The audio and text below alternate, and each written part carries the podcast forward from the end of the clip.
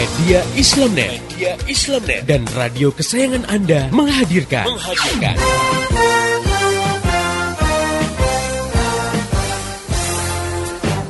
Voice of Islam. Voice of Islam. Voice of Islam.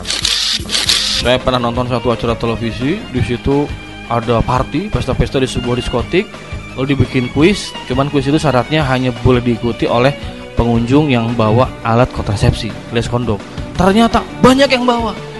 Paling datang itu anak muda semua gitu kan. Kita ditanya, "Kenapa kamu bawa?" Loh, kita kan nggak tahu apa yang terjadi setelah ini. Wow, jadi kan sudah sudah sedia payung sebelum hujan gitu ya. Sedia kondom sebelum berzina. Astagfirullahaladzim ya. Kenapa kok seperti terjadi? Karena satu, karena kita sudah hidup di alam sekuler. Hidup dengan landasan memisahkan agama dari kehidupan. Jadi agama udah nggak dipandang. Asma binti Yazid al Ashhaliyah yang sedang uh, dia ingin menanyakan satu masalah di hadapan Nabi dan para sahabat. Dan saat itu di ada forum Nabi dengan para sahabat. Nah, saat itu Asma menanyakan tentang kedudukan peran perempuan dalam rumah tangga dibandingkan dengan peran kaum laki-laki ya.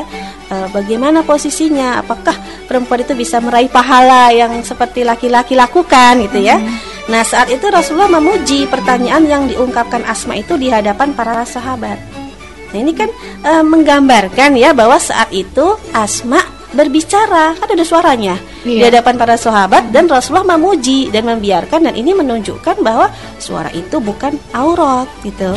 Dalam Islam eh, kehidupan laki-laki dan perempuan itu diatur baik dalam kehidupan umum misalnya uh, dalam pergaulan di sekolah, di terminal, di jalanan umum, di perkantoran ya gitu. Dan uh, juga di dalam kehidupan khusus di dalam rumah. Jadi memang Islam sudah memberikan batasan-batasan uh, di mana laki-laki dan perempuan itu di dalam bergaul, berkomunikasi itu memiliki aturan-aturan tertentu. Jadi bukan berarti dengan diatur dipisahkan gitu ya kehidupan laki dan perempuan benar-benar laki perempuan tuh nggak boleh ngomong nggak boleh ketemu gitu. iya. Ada yang mungkin menganggap eh, kejem banget Islam tuh ya jadi kayak di karantina gitu laki dengan perempuan tidak demikian. Namun uh, ini catatan pentingnya bukan berarti diperbolehkan jadi segalanya jadi boleh gitu ya. Dalam persoalan yang bersifat pribadi. Nah, ini tidak boleh laki-laki dan perempuan yang bukan mahramnya itu menjalin hubungan khusus gitu ya tanpa disertai mahram.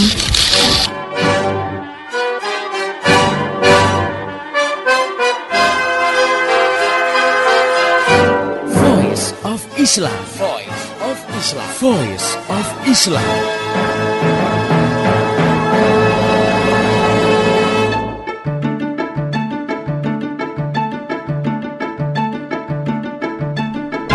Halo Indonesia, Assalamualaikum warahmatullahi wabarakatuh. Jumpa lagi dengan saya Purwaryandi dalam program Force of Islam Kerja bareng media Islamnet dengan radio kesayangan kamu. Selama 30 menit ke depan Force of Islam akan menemani sobat muda sekalian Dalam rubrik yang muda yang bertakwa Sebuah rubrik yang didedikasikan pada kamu semua Anak-anak muda seluruh Indonesia. Kali ini kita akan membahas mengenai kebiasaan-kebiasaan yang salah yang kamu lakukan di bulan Ramadan Sobat muda tentunya saya nggak sendiri. Di depan saya sudah hadir Ustadz Iwan Januar. Beliau adalah seorang penulis buku remaja. Baik kita sapa dulu beliau. Assalamualaikum Ustadz. Waalaikumsalam warahmatullahi wabarakatuh. Ya kali ini kita akan bahas tentang kebiasaan-kebiasaan yang salah di bulan puasa. Tentunya kamu juga tahu bahwa di Indonesia Saya nggak tahu kalau di negeri-negeri lain Tapi di Indonesia yang namanya bulan puasa Itu banyak identik dengan berbagai hal tapi mulai hal yang benar yang memang datangnya dari Islam ataupun hal-hal yang nggak benar yang itu cuma kebiasaan aja Ustadz kita juga sering lihat bahwa pada bulan Ramadan banyak kebiasaan-kebiasaan yang dilakukan oleh kaum muslimin Indonesia adalah kebiasaan-kebiasaan yang itu adalah satu yang salah, satu yang tidak sesuai dengan Islam. Misalnya contohnya kalau kita semua tentu kamu semua sobat muda sekalian juga sering mungkin sering melakukannya ialah balas dendam ketika buka puasa Ustaz. Hmm, iya memang ya. Jadi kalau mau kita jujur nih lihat puasanya orang Indonesia, ya nggak semua tentunya ya. Tapi masih banyak loh orang Indonesia ini yang puasa kok ternyata punya uh, kebiasaan yang nggak ada asal usulnya dari Islam. Bahkan itu kayaknya puasa kok jadi semacam ajang pelampiasan hawa nafsu atau ngakalin hawa nafsu. Kenapa terjadi? Nah, karena memang di sini barangkali loh motivasi puasanya belum tulus ya belum lempeng untuk mendapatkan ridho Allah. Dan yang kedua karena kurang ilmu. Jadi nggak tahu bahwa yang dikerjakan itu walaupun sudah jadi kebiasaan di masyarakat sebetulnya nggak sesuai dengan tuntunan ajaran Islam. Seperti tadi ya banyak orang yang puasa eh tok ternyata cuman memindahkan jadwal makan doang ya dan bukan cuma mindahkan tapi dirapel dijadiin satu. Karena siang nggak makan nah digabung ke makan malam pas buka puasa. Sehingga banyak remaja juga orang tua sih pas buka puasa, hmm, masya Allah di atas meja makannya sudah dikumpulkan berbagai macam hidangan untuk buka puasa. Dari mulai namanya kolak ya namanya juga goreng bakwan atau bala-bala. Ah yang namanya mie ya yang namanya juga sambal sirup kolang kaling ya itu baru hidangan pembuka loh ya ketika orang beduk maghrib berkuma, azan berkumandang itu yang disantap dulu belum nanti hidangan utamanya nasi, lauk pauk dan nanti pada terawih ada hidangan cuci mulut. Nah, kalau nggak bakso rujak biasanya ya.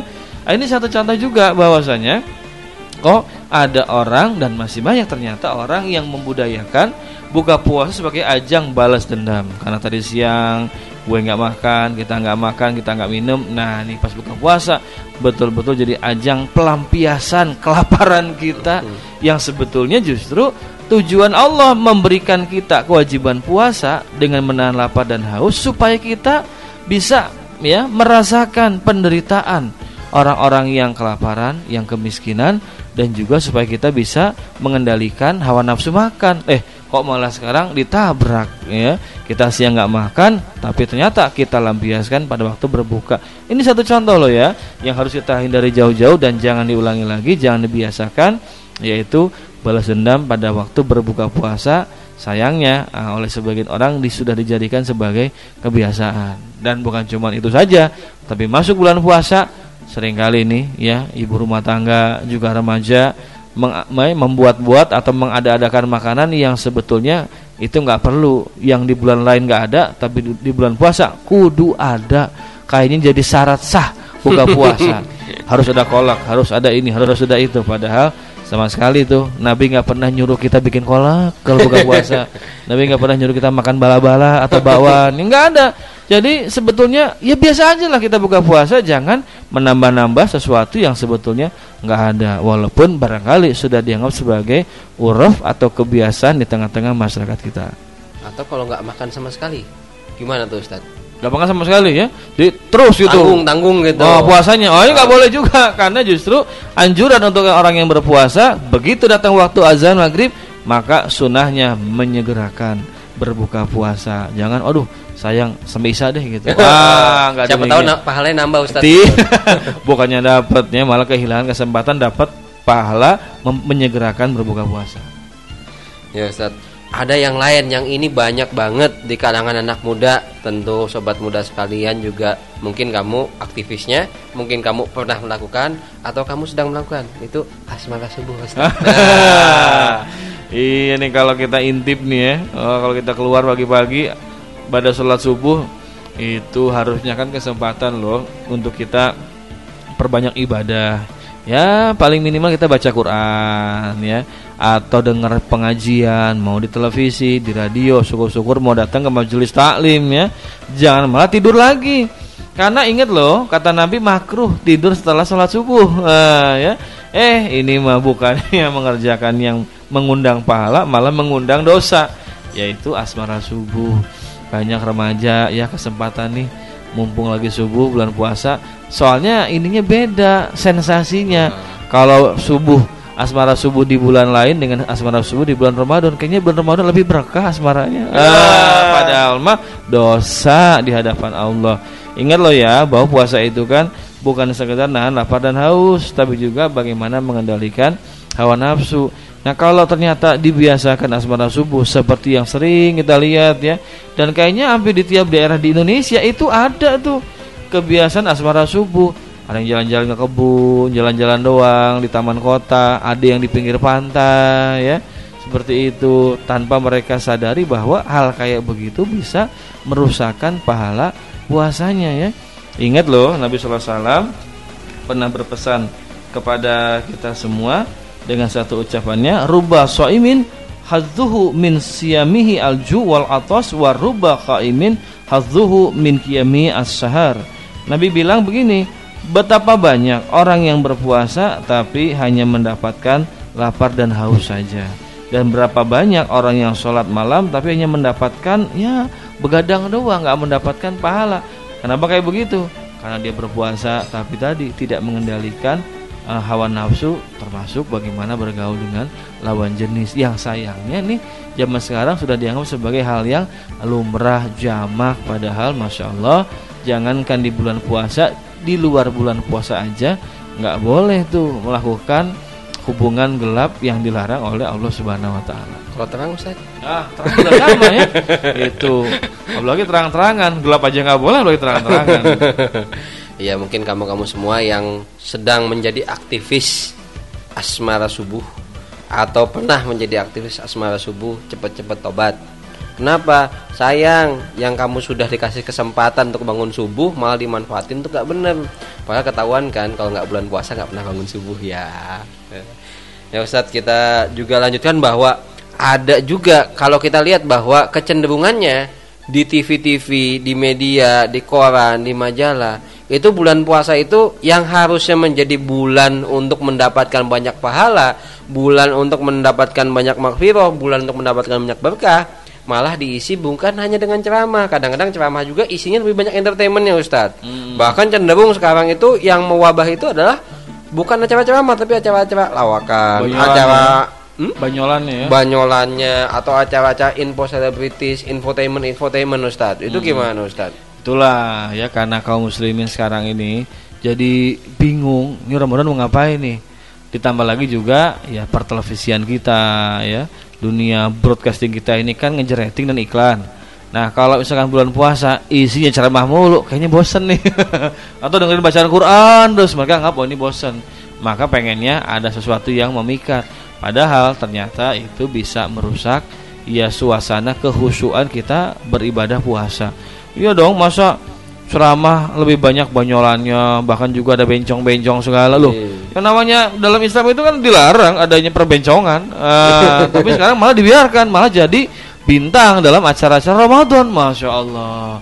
Itu berarti sudah menabrak rambu-rambu uh, yang sudah dibuat oleh Allah Subhanahu Wa Taala. Kudunya bulan puasa, bok ya pada tobat gitu kan. Kita khusyuk dengarkan ceramah pengajian, yang mensucikan diri bukan yang malah justru membuat acara-acara yang merusak kehusuan ibadah puasa dan akhirnya kalaupun ada ceramah diselingi lawakan yang lebih menonjolkan lawakannya atau hiburannya ketimbang ceramahnya.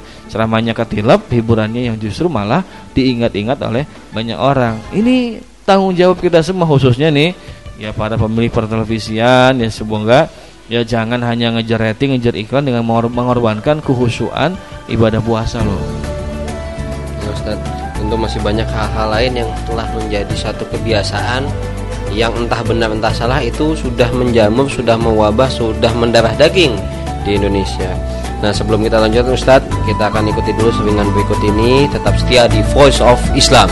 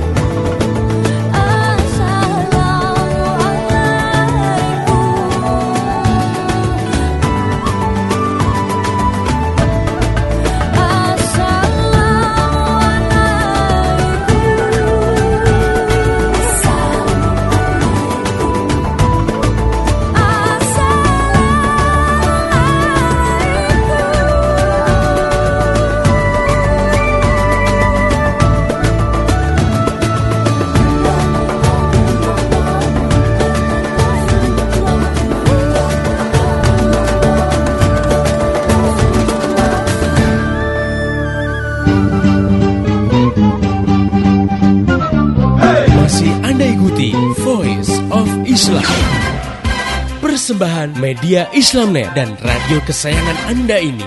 Voice of Islam. Voice of Islam. Voice of Islam.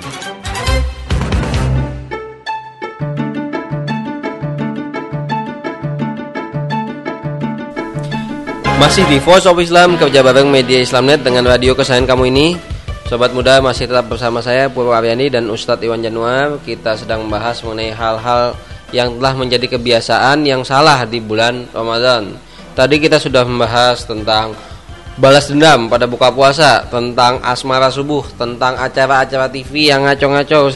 Nah Ustadz, ada hal lain yang ini sudah menjadi fenomena hampir setiap tahun Ustadz dan juga yang melakukannya juga nggak pernah namanya sadar Ustadz yaitu menjadi bunglon yaitu ketika bulan Ramadan dia jadi soleh ketika di luar bulan Ramadan balik lagi seperti biasa Ustadz Iya kasihan bener ya Kok manusia jadi bunglon ya Iya. Manusianya manusia gitu ya ah, Cuman itulah yang namanya manusia Kalau nggak sadar diri Sulit ya Begitu masuk Ramadan Berubah tuh dia ganti bajunya ya pakai sering baju baju twiki, baju koko, ya ke Untung nggak jadi sate baju hitam, Ustaz, ya. Ah, ya. Terus juga akhirnya dia ya pokoknya banyak deh ibadah-ibadah di bulan Ramadan tapi hanya sesaat. Begitu lepas Ramadan back to habit.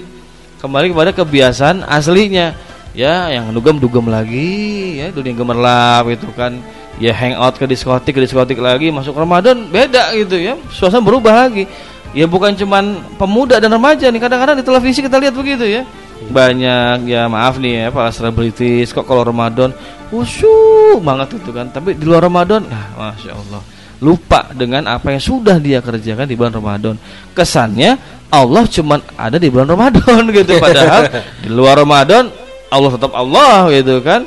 Hisap tetap dihisap nggak ada bedanya. Harusnya justru Ramadan itu ajang untuk melatih diri.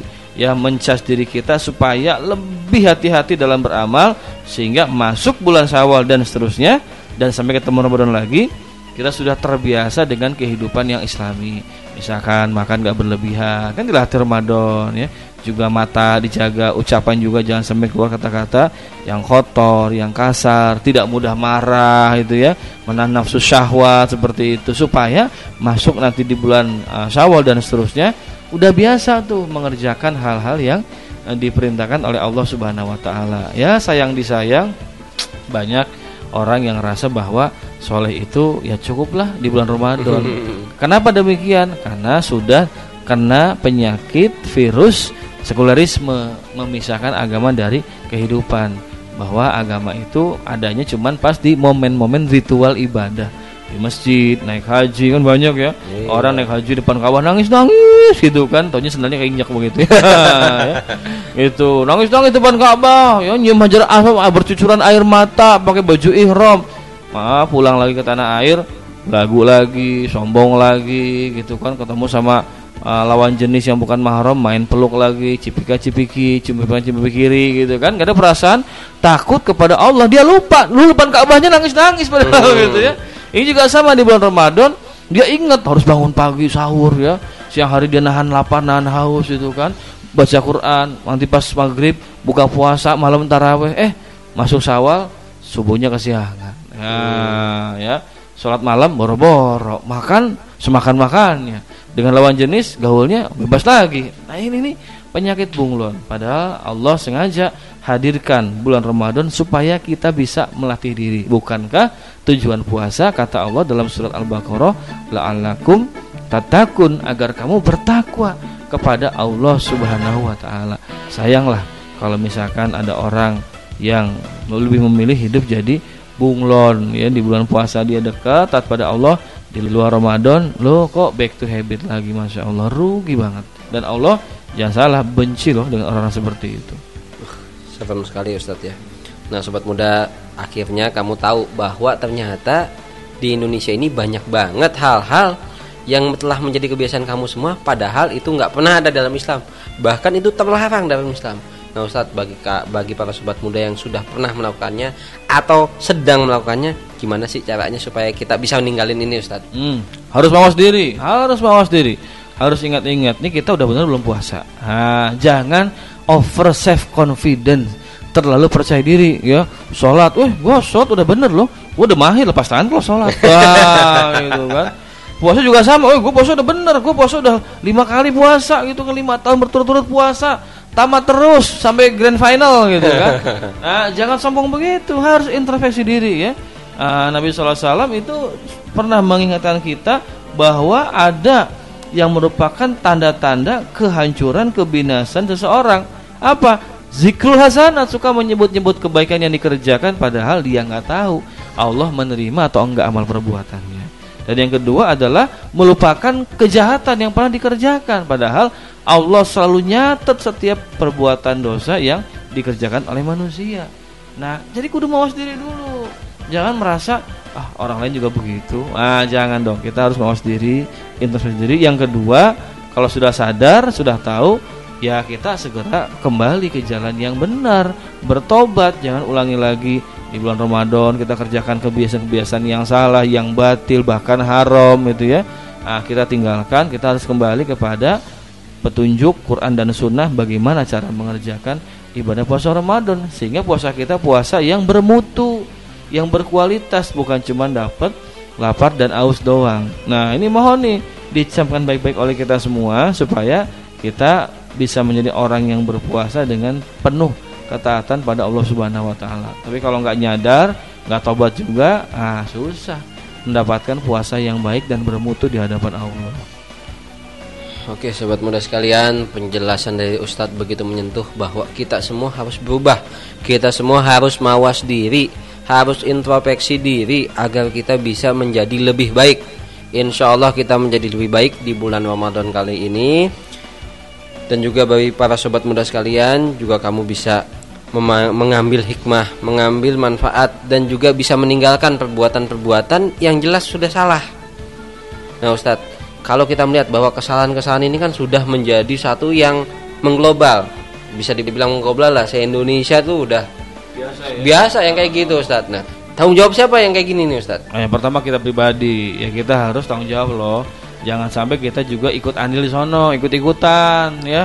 Ah orang lain juga gitu asmara suku juga ah, itu jangan begitu. Kita punya tanggung jawab pribadi. Yang kedua masyarakat. Ya kaum muslimin harus sadar bahwa puasa yang kayak begitu tuh nggak benar harus diubah sesuai dengan yang hitoh dari Allah Subhanahu Wa Taala yang ketiga Nah, negara, pemerintah, mbok eh jangan diem aja. Tertibkan dong orang yang puasa, jaga supaya puasanya itu oke. Puasanya itu betul-betul bermutu, berkualitas dan segera ya tegur kalau perlu kasih hukuman buat orang-orang yang puasanya nggak beres. Buat orang-orang yang nggak puasa tangkap kasih hukuman bisa penjara atau orang-orang yang juga tadi puasanya kayak bunglon gitu ya. Nah, itu diingatkan sehingga nanti orang-orang itu mengerjakan ibadah puasa dengan kesungguh-sungguhan dan sadar karena Allah Subhanahu wa taala.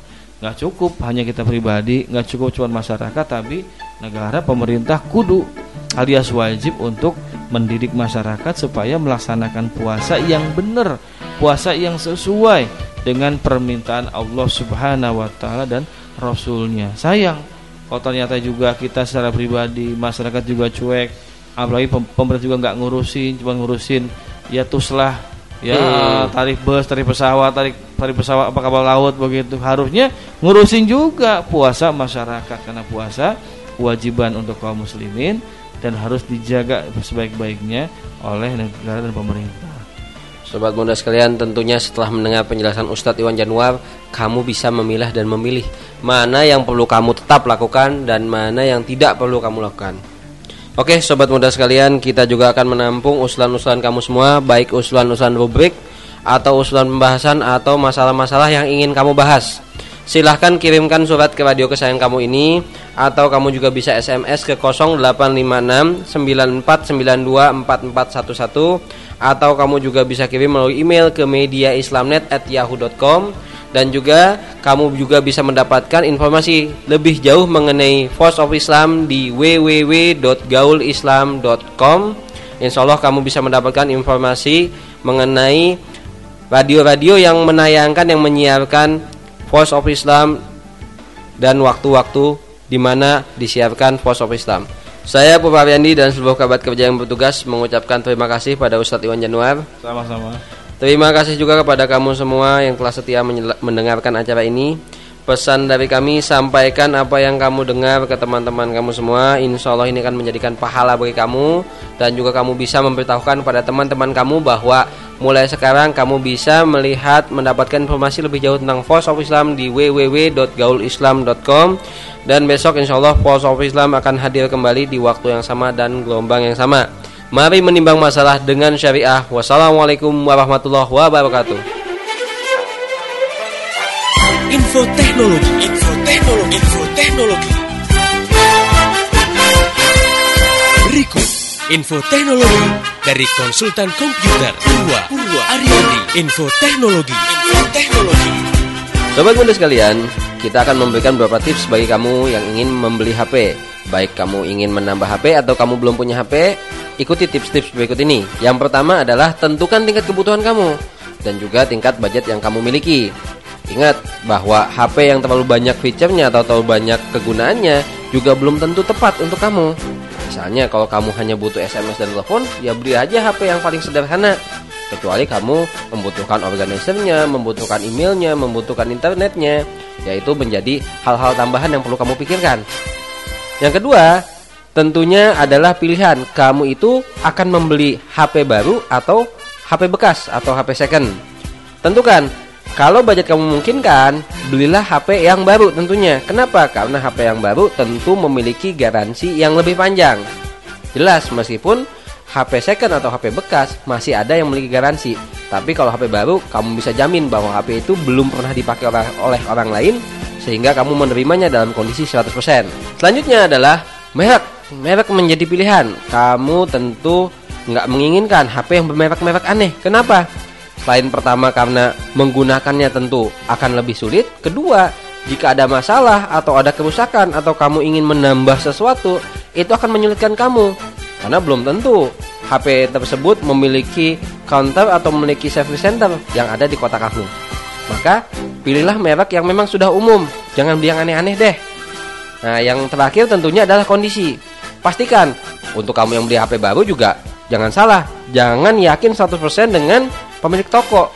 Kamu cek, kamu perhatikan, kamu cobain, kamu tes semaksimal mungkin sampai kamu yakin bahwa HP tersebut kondisi bagus. Nggak peduli apakah kamu beli HP baru ataupun HP yang bekas atau second. Insya Allah tips ini akan berguna bagi kamu. Selamat memiliki HP lagi. Info teknologi, info teknologi, info teknologi. Demikian tadi Voice of Islam. Voice of Islam. Semoga hikmah yang terkandung bermanfaat untuk kita semua. Amin amin amin ya robbal alamin. Kembali bisa Anda dengarkan Voice of Islam. Voice of Islam menghadirkan topik-topik seputar kehidupan kita esok hari di waktu dan gelombang yang sama.